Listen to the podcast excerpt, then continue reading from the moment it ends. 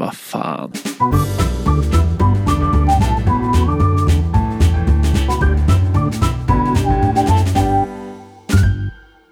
Jag, jag har en sista så här fråga bara. Nu har vi pratat om så här retro indie. Jag skulle vilja ha några så här speltips. Vilka spel ska man testa om man vill uppleva det här? Ja, Du behöver inte ta alla, utan bara... bara, bara alla. Nej, men ta- bara några stycken. Nå- Några som... Ben Lehmann skrev ett spel som heter Polaris. Det kom ut 2004. Det handlar om riddare på Nordpolen, gjorda av snö, som slåss mot demoner som bor i en vulkanmeteoritnedslag. Spelet är poetiskt i det att man läser dikter och man eh, förhandlar om handlingar lyckas eller misslyckas. Man slumpar inte utan man förhandlar. Okej. Det är ett häftigt spel. Ganska mindboggling att läsa. Ska man spela det så rekommenderar jag att man egentligen har tre vanliga spelmöten på sig. För det tar lite tid att spela. Men det är en häftig upplevelse.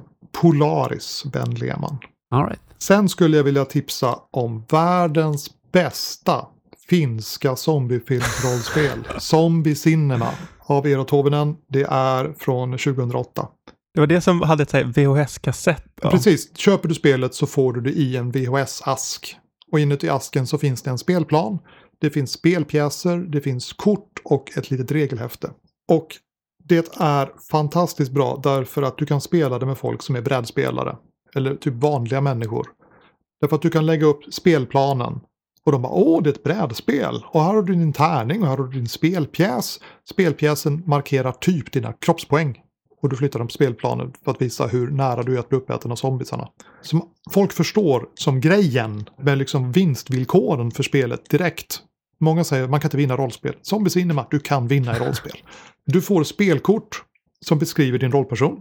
Du behöver inte skriva någonting, du behöver inte slå något handlingar, du behöver inte fundera någonting. Du får dina spelkort och de säger liksom du är det här, du är det här, du är det här. Det här är dina egenskaper. Och sen så spelar man rollspel och det enda sättet att röra sig framåt och bakåt på den här spelplanen, helst framåt då, det är att komma i en konflikt med en annan rollperson.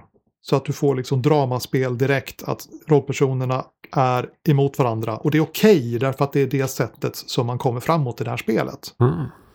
Ja, spännande. Det är ett fantastiskt bra spel.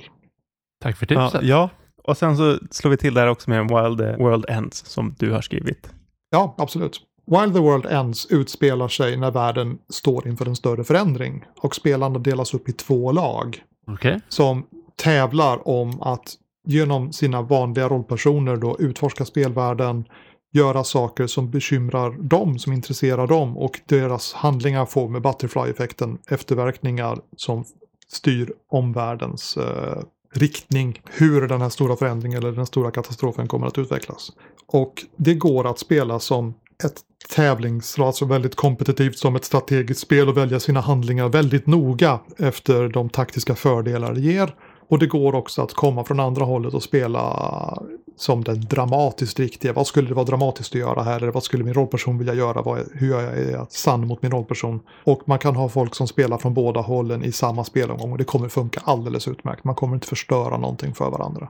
Och så vet man vem som vann på slutet. Det är alltid skönt. Och alla dessa tre spelen har ingen spelledare. Och alla har som en ganska begränsad premiss som de utforskar väldigt specifikt.